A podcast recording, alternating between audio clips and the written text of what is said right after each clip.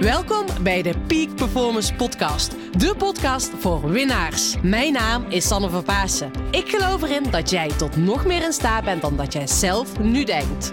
In deze podcast interview ik inspirerende gasten en geef ik tips om structureel topprestaties te leveren. Hiervoor heb je een hoge energie nodig, die je met toewijding doelgericht inzet. Niet als een eendagsvlieg, maar juist keer op keer. En dat vraagt durf en lef. Wil jij met een energieboost en vol inspiratie je dag vervolgen? Blijf dan vooral verder luisteren.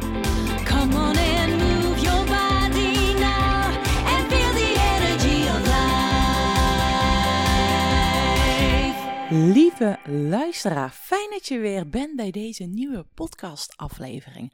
En vandaag wil ik je meenemen in een persoonlijk verhaal in mijn reis die ik aan het maken ben. Die jij ook aan het maken bent, die we allemaal aan het maken zijn. Want ik zie het leven als een reisavontuur, als een heel mooi spel. En dat is ook een van mijn missies die ik heb met mijn coaching. Op het moment dat je bij mij, eh, met mij samenwerkt, dan wil ik je echt de tools geven eh, zodat je uiteindelijk die veerkracht, weerbaarheid ontwikkelt. Zodat je keer op keer nou ja, je eigen pad kan blijven bewandelen. En ik, een van mijn motto's is, uiteindelijk heb je geen coach meer nodig. En soms heb je eventjes iemand nodig om samen een pad te bewandelen. Ehm, maar uiteindelijk zitten alle antwoorden in jou. En nou, ik vind dat gewoon zo mooi als je mensen daarmee mag helpen. Hoe zij uiteindelijk steeds weer bij de vertrouwen uitkomen om, nou ja, hun eigen eh, pad te bewandelen. Maar ook hun handrem, hun mindfucks die ze hebben, die, ja, dat ze die gaan overwinnen. Nou, ik eh, heb afgelopen periode eh, regelmatig de vraag gekregen van mensen die bij mij kwamen van Sanne, jeetje, ehm, ik moest wel even over een drempel heen. En ik zei, hoezo dan? Ja, jij bent zo jong. Hoe kan ik nou door jou begeleid worden?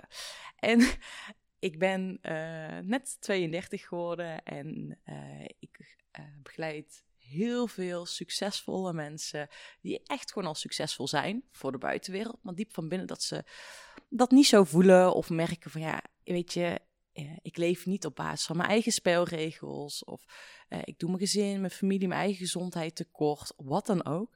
Um, en dat is ook waar ik gewoon mensen bij wil helpen, weet je, om op ja, peak performance te leveren, die topprestaties te leveren op jouw manier. En dat wil niet per se zeggen dat je de beste moet zijn, maar wel dat je echt gaat doen waar je van, waarvan je droomt. En nou, dat. Maar daar wil ik het vandaag eigenlijk niet over hebben. Ik wil je meenemen in mijn reis en ook het stukje ehm, waarom er tegen mij gezegd van, van jeetje, waarom kan jij me helpen? Je bent zo jong. Maar ja, ik voel in alles dat ik bij jou moet zijn, maar ik moest daar een drempel over. En ehm, ik vind dat wel mooi en dat deze vraag krijg ik dus regelmatig terug. En weet je, dat vind ik wel bijzonder dat mensen dat ook zo mooi eerlijk zeggen. En ik geloof erin hè, dat leeftijd er eigenlijk niet toe doet. Maar het gaat erom juist van, oké, welke ontwikkeling heb je zelf gemaakt? Welke reis heb je doorlopen? En een van de thema's waar ik op dit moment enorm veel mee bezig ben, waar ik eigenlijk al vanaf heel jonge leeftijd heel veel mee bezig ben geweest, is het stukje uh, familieopstellingen. Ik begeleid mensen uh, met familie- en organisatieopstellingen. En ik zal je zo ook uitleggen wat het is. En misschien heb je eerder ook de podcast met Els van Stijn uh, gehoord. Um, en voor mij persoonlijk heeft dit echt een mega grote impact gemaakt op mijn sportcarrière destijds. Ik heb um, al op jonge leeftijd, mocht je het niet weten, ik ben uh, ex-topsporter. Vier jaar geleden gestopt. Uh, ondertussen denk ik alweer, ja. En um, tijdens mijn sportcarrière combineerde ik met een universitaire opleiding. En je kan jezelf voorstellen als je dat doet, en ik runde ook mijn eigen team, dat je in een snelkookpan zit. En die snelkookpan heeft ervoor gezorgd dat ik met mijn eigen persoonlijke ontwikkeling aan de slag moest. Uh, ik leefde heel veel vanuit mijn hoofd, omdat het van, hè, omdat het van mij verlangd werd, omdat het op mijn trainingsschema stond, omdat ik dacht dat ik daar beter door ging presteren. Um, en nou, dat, dat, uit je hoofd presteren, dat is niet zo heel erg handig, want het heeft uiteindelijk consequenties gehad. Maar daar hoor je, uh, heb ik andere podcasts over opgenomen. Um, het is ook een snelkookpan geweest voor mijn commerciële vaardigheden, om die te ontwikkelen, omdat ik altijd mijn eigen teams heb gerund. Maar ook een stukje, hoe bewandel ik mijn eigen pad? En ik heb tijdens mijn sportcarrière um, nou ja, ben ik echt losgefrikt van mijn eigen thuissituatie. Ik heb een super goede band met mijn ouders. eh, heel veilig opgegroeid op een boerderij. Ik ben de, ehm, nou ja, de oudste zichtbare dochter in die zin. Ik heb nog een overleden broer, maar ik ben de oudste dochter ehm, van drie zusjes heb ik nog meer. Ehm, en je kan jezelf voorstellen als je op een boerderij op bent gegroeid. Ik zeg wel eens, nou ja, ik kan beter zeggen wat mijn vader zei op mijn afscheid van mijn tij- ja, toen ik gestopt ben. Op mijn afscheidsfeestje zei mijn vader van echt letterlijk de woorden: Sanne, dankjewel. Mede dankzij jou heb jij ons de wereld laten ontdekken. En ehm, nou, mijn ouder, ouders wonen echt op een schitterende locatie. Echt prachtplek van Brabant. Hele mooie boerderij. Echt, nou, het is gewoon super mooi. Maar ja, hun wereld was niet zo groot. Nou, en alle stappen die ik dus maakte in mijn sportcarrière, maar ook het studeren op kamers, was voor hun ook een nieuwe stap. En ehm, ik was daarin wel eigenzinnig. En in die zin, ik weet het nog goed dat mijn moeder wel eens heeft gezegd van... ehm, ik had een wereldbeker, ik werd geselecteerd voor een wereldbekerwedstrijd. En ik was denk ik 18, misschien 17 of 18, jong in ieder geval. En we hadden eigenlijk familiefeest. En mijn moeder zei, maar Sanne, ehm, kan je dat niet ver- verzetten of kan je gewoon die wedstrijd niet over laten gaan? Want je hebt familiefeest. Ik zei, mam, ben je geselecteerd voor een wereldbeker? Ja, nou, en? Dus mijn ouders waren ook helemaal niet thuis in de topsportwereld. Dus ik heb echt mijn eigen pad en daarvoor moeten gaan staan. En ook af en toe wel zijn er woorden gevallen. Maar ik weet ook dat er momenten mijn, ehm, nou ja, destijds een moment is geweest dat mijn band met mijn ouders, ze waren het niet mee eens met welke keuzes ik had gemaakt. Mijn band met mijn ouders was echt niet goed. Ehm, ik had zelfs het gevoel van, het kan gewoon zomaar zijn ehm, dat ik nooit meer bij mijn ouders terugkom. Dat ik gewoon, ja, ik had ruzie. Het liep gewoon niet soepel. En ja, ik ben destijds mentaal heel goed begeleid geweest. En dat is ook wel, denk ik, mede de reden waarom ik hier... eh, ik ben destijds er zoveel mee bezig geweest dat ik nu dus dit werk ook doe.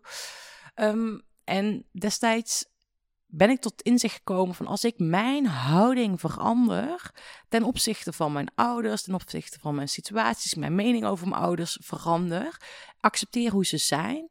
ehm, en dat ben ik echt heel bewust, want ik weet nog goed, ik in de auto zat, ik reed naar mijn ouders toe, we hadden spanning, we hadden ruzie en het liep eigenlijk allemaal niet lekker. En net voor mijn ouders boerderij heb je een bocht en toen heb ik echt in mezelf ingeprent, ik ga mijn ouders, of ik ga mijn houding veranderen. Mijn ouders kan ik namelijk niet veranderen, die zijn zoals ze zijn. Ehm, ik kies een andere plek. Ik laat mijn ouders in mijn waarde. En ik ga vanuit die positieve energie stap ik naar binnen. En het maakt eigenlijk niet uit wat ze zeggen. Pap en mam, jullie zijn gewoon zoals jullie zijn. Ik ben super dankbaar voor dat ik, nou, dat jullie mij talenten mee hebben gegeven die ik heb. Dat ik eh, de kans heb van jullie heb mogen krijgen. En gaaf dat ik mijn eigen pad mag bewandelen. Ook is dat niet altijd even makkelijk. En eh, voel ik af en toe weerstand, maar it's fine. En ik weet dan nog goed dat ik in die bocht reed en dat ik bedacht dat ik ga dus zo vanuit die lach op mijn gezicht, vanuit connectie met mezelf. Nou, ik denk dat ik op dat moment 20 was, ehm, stapte ik ja, mijn ouders boerderij binnen. En ik wist nog goed, oké, het gaat niet meer goed komen of het gaat heel goed ko- komen. Die keuze had ik ook gemaakt. En ik had toen die keuze gemaakt van het gaat gewoon goed komen. Weet je, het is gewoon, ja, het is prima zo. En ik vind het zo bijzonder wat er toen dus gebeurde. Dat ik een andere plek innam. Dat ik eh, met een andere, nou ja, weet je, acceptatie, liefde. eh, vooral ook dat, er, dat het ook prima is dat hun een andere mening hebben. ehm, ben ik binnengestapt. En nou ja, je, ik, praat er nu heel snel overheen. Alsof het, weet je, dat was natuurlijk echt een makkelijke periode geweest. Ik weet nog dat ik gewoon volop met mijn wedstrijden bezig was. Nou, het was natuurlijk echt heel frustrerend als je dat niet soepel loopt met je ouders. En ik stapte naar binnen en ik voelde meteen dat de energie anders was. En vanaf toen merkte ik dat het weer ging stromen. Door, alleen door het feit dat ik een andere houding aan ging nemen. En dat ik ging accepteren dat, nou ja, dat die situatie, ehm, nou, dat mijn anders, ouders anders eh, dachten over die situatie. En toen ben ik me ook gaan verdiepen in, zeg maar, oké, hoe zijn mijn ouders eigenlijk opgegroeid? En ehm, wat hebben hun vanuit huis uit meegekregen? Wat zijn hun waarden en normen? En wat is voor hun belangrijk? En nou ja, die familiebanden zijn sowieso heel erg belangrijk bij beide kanten van mijn ouders. Maar wat ik dus mee wil geven, ik vond het zo bijzonder wat er toen dus gebeurde. En dat is voor mij ook een zaadje geweest waarom ik me ook heel erg ben gaan verdiepen in familiesystemen. Ehm, dat ik dat ook hè, een opleiding voor heb gevolgd. Dat ik daar gewoon heel erg mee bezig ben. En voor mij heeft dat zo'n grote shift gemaakt. En ik zie dat niet alleen bij mezelf, ik zie dat ook bij mijn klanten, waarvan ik eh, een opstelling mee heb begeleid. En dat ze uiteindelijk ook gewoon letterlijk tegen mij zeggen van Sanne, ik weet niet wat er is gebeurd. Eh, er is hier iets gebeurd in de energie. Ik kan niet eens onder woorden brengen. Maar ik hoef niet meer terug te komen. Net, dat vind ik echt wel super bijzonder, weet je. Dat, je dat gewoon klanten voelen dat de energie is weer gaan stromen. En dat is wat uiteindelijk bij mij dus ook gebeurt. Ik heb destijds met mijn coach ook met de familieopstelling gewerkt, ook met die positionering en dat ik daar inzicht in kreeg. Ehm, en dat is wat ik nu ook doe met mensen, ook met, um, nou, met representanten. Ehm, dat wordt ook in de podcast met Els Stijn helemaal uitgelegd. Maar dat je met een grotere groep een familieopstelling begeleidt. Daarin ben je dus bijvoorbeeld met ongeveer 15 mensen. En als jij een vraag hebt, dan uh, kom je bij mij en dan deel je die vraag. En dan gaan we aan de slag of dan ga ik intunen op jou. En dan uh, gaan we, naar aanleiding van jouw vraag, ga ik kijken welke representanten er opgesteld kunnen worden. Dus het kan best zijn dat we jouw ouders of nou, misschien een van je kinderen opgesteld mogen worden. Of um, nou, iemand die overleden is. Um, of want dat is wat er dus kan gebeuren met een familiesysteem. Kijk, er zijn gewoon bepaalde wetmatigheden. Een van de belangrijkste wetmatigheden um, is dat je, nou ja, het stukje, het leven heb je van je ouders gekregen. Op het moment dat jij je ouders afwijst, of een van je ouders afwijst, um, of een oordeel hebt over je ouders, dan beoordeel je ook jezelf. Of uh, dan wijs je jezelf ook af. Want je bent 50% van je moeder, je bent 50% van je vader. Dus op het moment dat je dus uh, je, nou, stel voor je hebt, je, ben, je ouders zijn gescheiden, um, je hebt geen contact meer met je vader en je wijst je vader af omdat je hem veroordeelt over wat hij heeft gedaan, dan wijs jij ook 50% van jezelf af. Dus dan um, grote kans dat jij ook een stukje qua zelfvertrouwen, zelfbeeld, uh, dat je leven niet helemaal stroomt. En dat is zo belangrijk dat je je eigen plek inneemt. Want het kan ook onbewust zijn uh, gebeuren dat je jezelf beter gaat voelen dan je ouders. Dat is misschien wat bij mij gebeurd, weet je. Dat ik mijn ouders een soort van ging veroordelen, beter ging gaan voelen. Van ja, weet je, ja, maar ik doe een topsport. Dus ik doe, dit is mijn pad. En uh, wat jullie vinden, jullie moeten het maar mee eens zijn. Um, en dan sta je niet op de juiste plek. Want wat de juiste plek is, weet je, ik, je hebt het leven gekregen van je ouders. Dus het is heel erg belangrijk dat je uh, je ouders achter je neer kan zetten. In ieder geval daar dankbaar voor bent. En dat je dus ook niet te veel voor je ouders gaat zorgen, maar dat je uiteindelijk, um, nou ja, uiteindelijk, je ouders hebben jou het leven gegeven. En wat we ook wat ik het heel vaak fout in zie gaan, dat we bepaalde dingen van onze ouders verwachten in ons leven.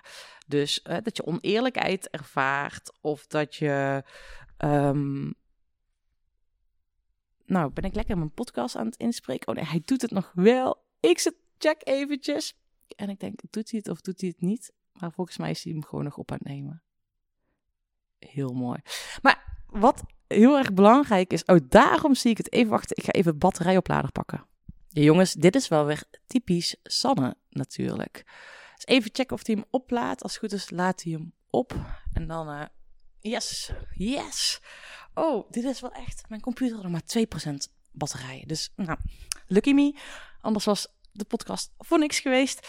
Nou, maar wat ik aan het vertellen was dus over je positie, dat je ook verwachtingen kan hebben richting je ouders. Ik zie dat ook wel eens ooit dat mensen uh, bepaalde verwachtingen hebben. Ja, maar had mijn vader moeten doen, of mijn vader had voor mij moeten zorgen, of vader had mij complimenten moeten geven, of uh, mijn vader had mij moeten helpen, of nou, ik pak even vader als voorbeeld, maar dat kan natuurlijk ook over de moeder. Dat je als het ware je ouders, uh, iets van je ouders verwacht dat zij misschien wel niet hebben kunnen geven. Of althans, daar ga ik altijd van uit.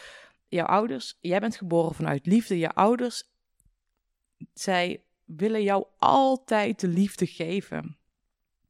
Eh, en zij geven jou alle liefde die zij kunnen geven. En daar zit het in, hè? die zij kunnen geven.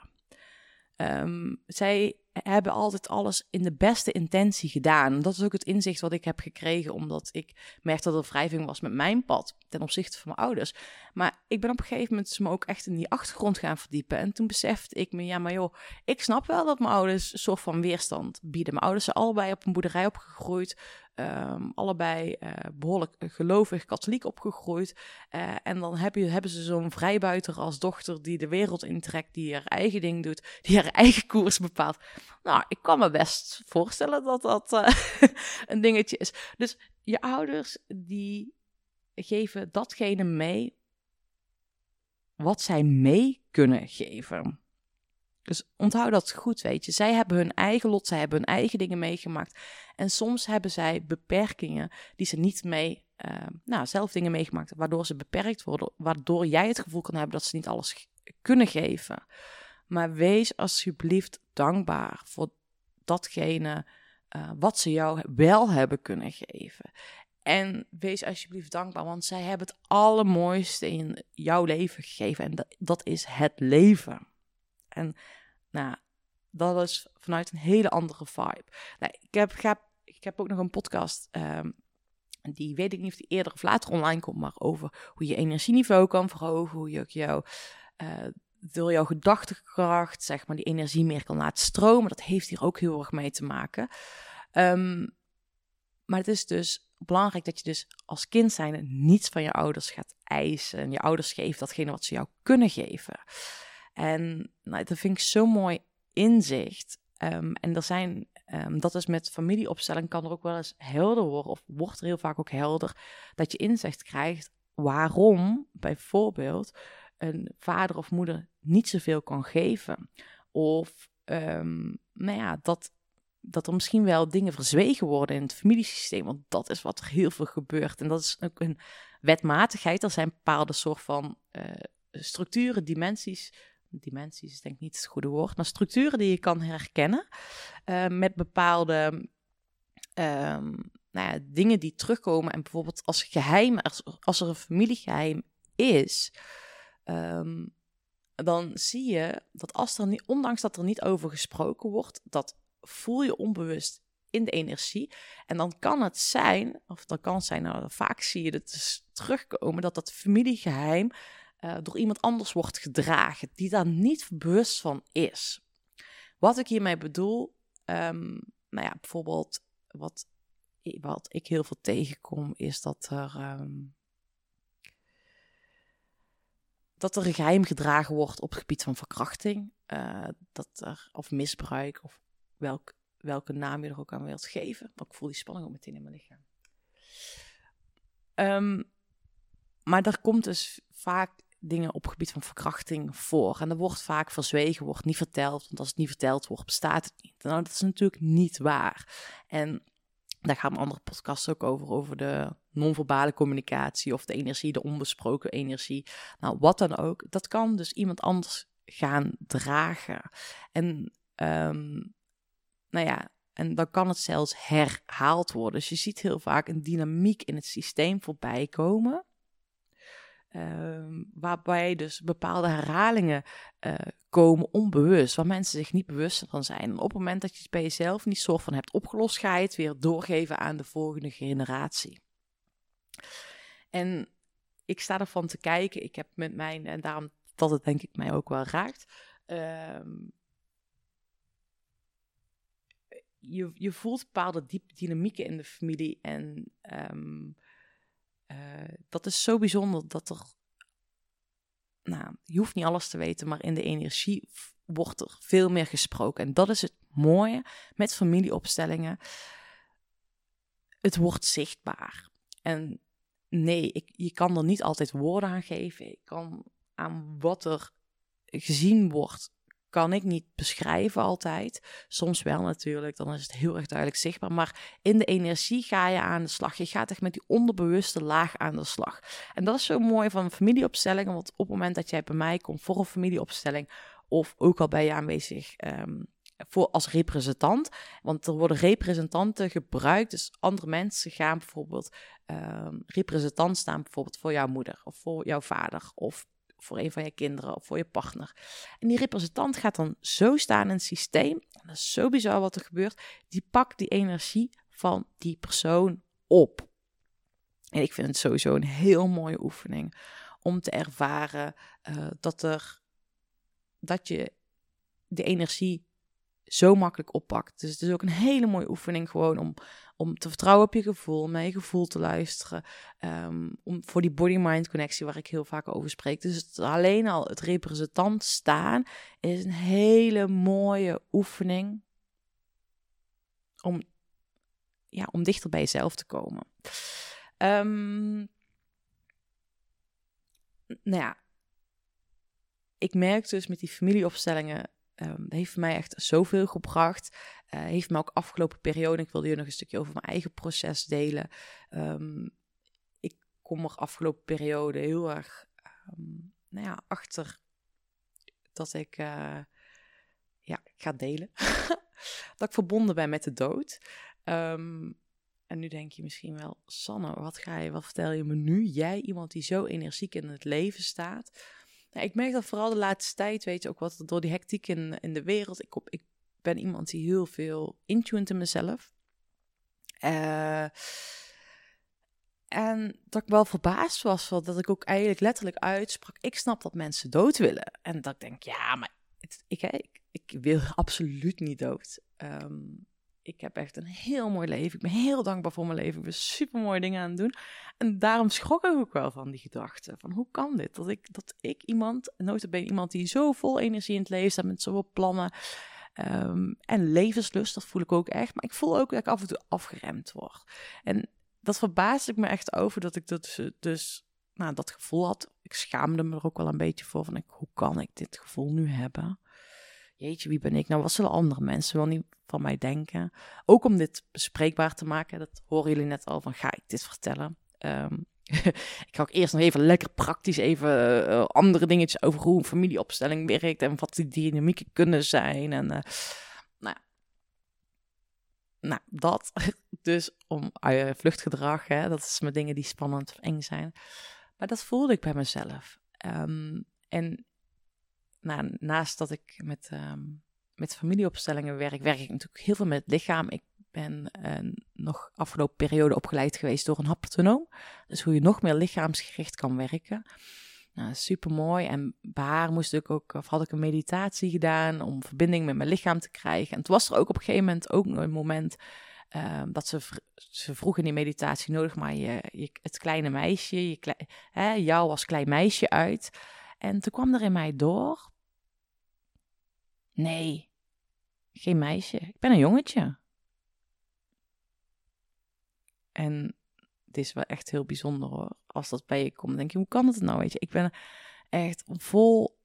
Uh, ik wil geen jongetje zijn. Ik ben gewoon hartstikke blij met als meisje. Maar het kwam zo sterk in mijn lichaam door. Dat ik dacht, ik wil een jongetje zijn. Nou ja, ik wil een jongetje zijn. En toen was die dag nog iets dat ze ergens over vroeg met uh, meisje, klein meisje. Ik zei nee, het is een jongetje. En nou, lang verhaal kort, eh, die sterke gevoelens had ik. En ik, merk ook gewoon ook soms, it's fine. En je hoeft niet alles terug te zien. Um, maar dat vind ik wel het mooie met familieopstellingen.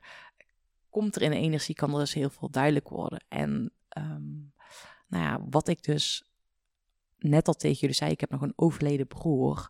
Uh, die vrij recent is voor mij is overleden. Ik ben binnen een jaar ben ik, ben ik daar gekomen.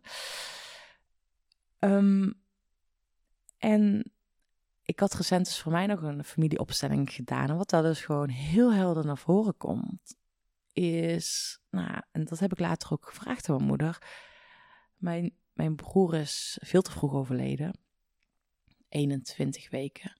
Uh, hij wilde er te vroeg uit en was natuurlijk, hij was gewoon niet levensvatbaar. Heeft even geleefd, heeft in de armen van mijn vader gestorven. Ik weet trouwens niet of mijn moeder dit leuk vindt omdat ik vertel.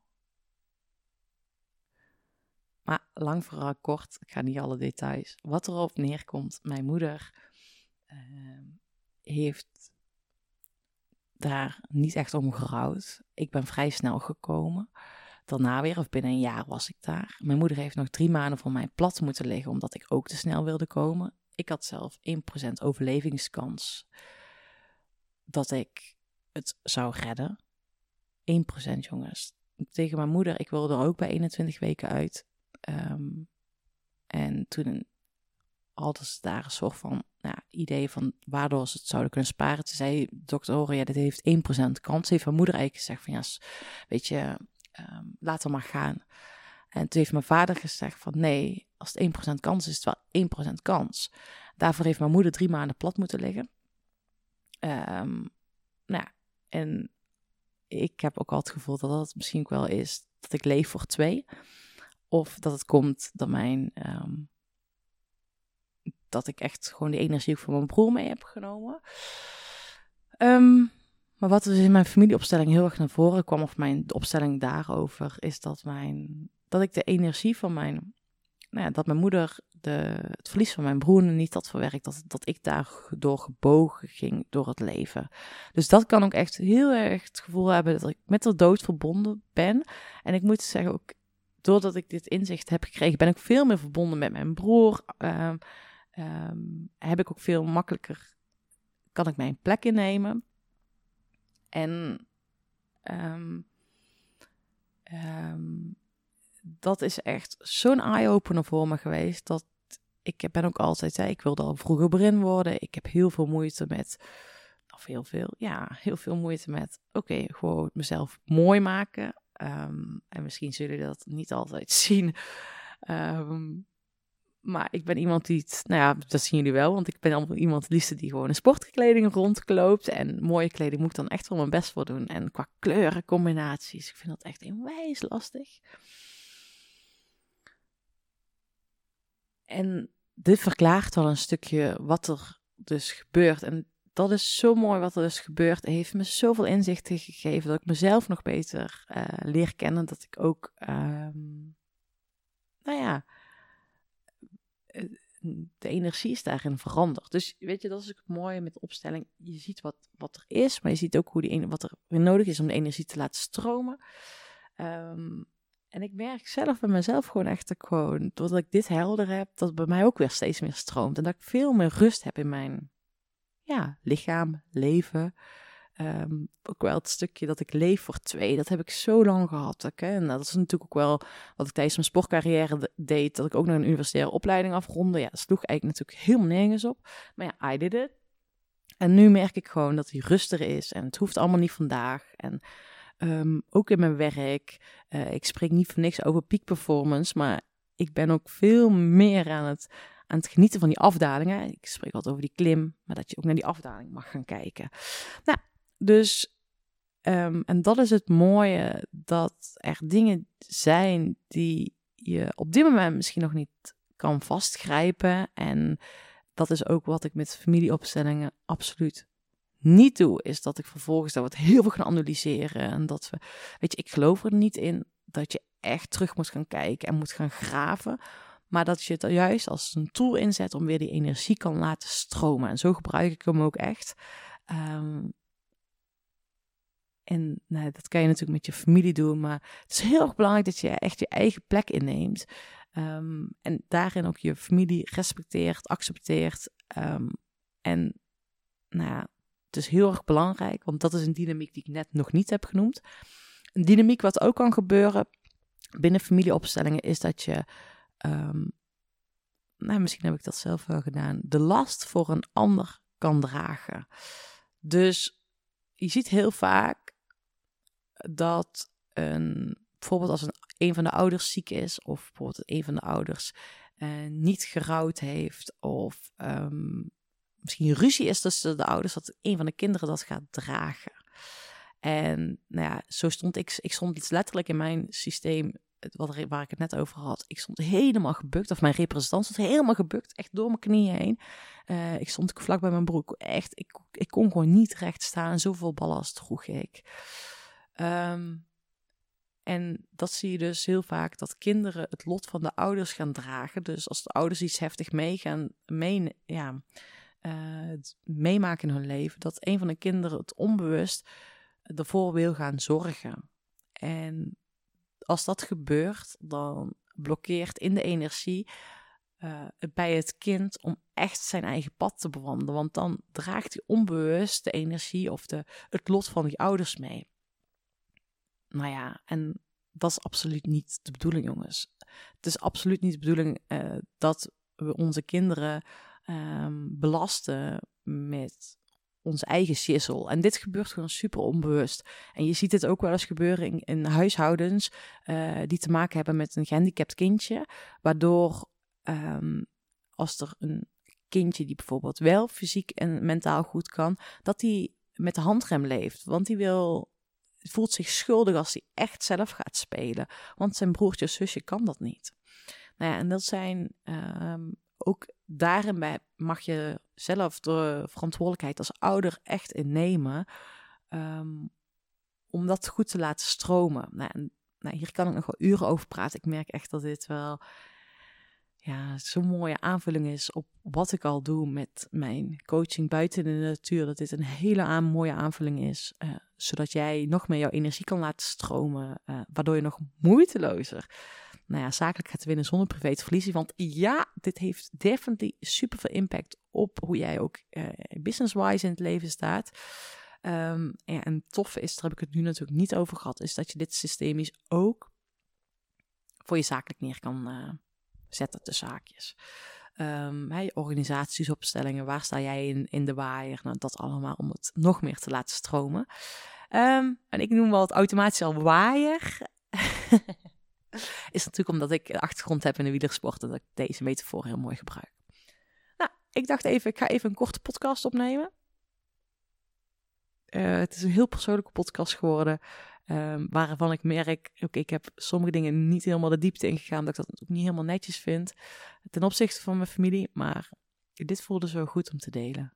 Dus dankjewel. Dankjewel dat je naar mijn verhaal hebt geluisterd. En nou, ik hoop dat ik bij jou een zaadje heb geplant. Dat je, ja, richting je eigen familie, dat je iedereen mag laten zijn wie ze zijn. En dat je niet te veel gaat verwachten. En dat je ervan uitgaat dat je ouders datgene geven wat ze jou hebben kunnen geven. En ik hoop dat je als je zelf ouder bent, dat ik bij jou zelf ook een zaadje heb mogen planten. Dat je bewust bent van of jij je kinderen niet belast met datgene wat je jezelf mee hebt gemaakt. Want nou, dat is de energie die onbewust een kind kan gaan dragen, het lot kan dragen. Nou, dat.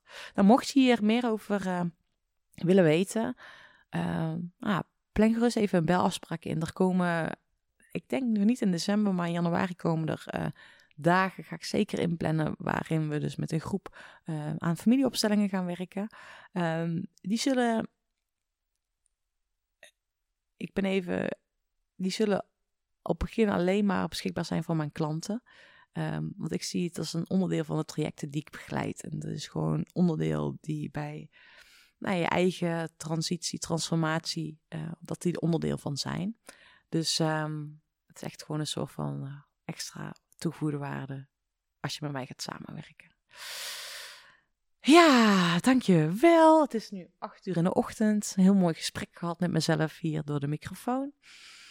Ik ga een hele mooie dag uh, beleven. En ik kijk er naar uit om, om jou een keer te spreken. Ja, leuk. Hoe gaat het met jou? Ik hoop dat jij ook met een mooie lach op je gezicht de dag verder gaat vervolgen. Dankjewel voor het luisteren en geniet van vandaag. Doei doei! Bedankt voor het luisteren van deze podcastaflevering. Ik vind het zo gaaf dat je tot het einde bent gebleven. Nou, daar wil ik je natuurlijk ook voor bedanken. Ik wil nog twee dingetjes meegeven. Ga naar mijn website toe. Daar heb ik een toffe weggever staan waarbij ik je help vol energie je doelen te realiseren. Moeiteloos, recht op de finish af en ik help je zakelijk winnen zonder privé te verliezen. Nou, ik zou zeggen, ga eventjes uh, ja, naar mijn website en daar vind je deze gratis download en ik help je dus echt mee om recht op de finish af te gaan. En daarnaast wil ik je vragen, want het is mijn missie om nog meer mensen, om duizenden mensen te inspireren met deze podcastshow. Dus maak even een screenshot, deel het op social media, tag mij. Ja, en ik vind het dan ook weer leuk om jouw verhalen weer te delen. Dus deel mijn inzicht, of jouw inzichten van deze podcast en dan zie ik deze ook weer voorbij komen. Dankjewel, een hele fijne middag, avond of ochtend toegewenst. En vergeet één ding niet, kom in actie, want daarmee ga je het verschil maken. Good night. Come on in.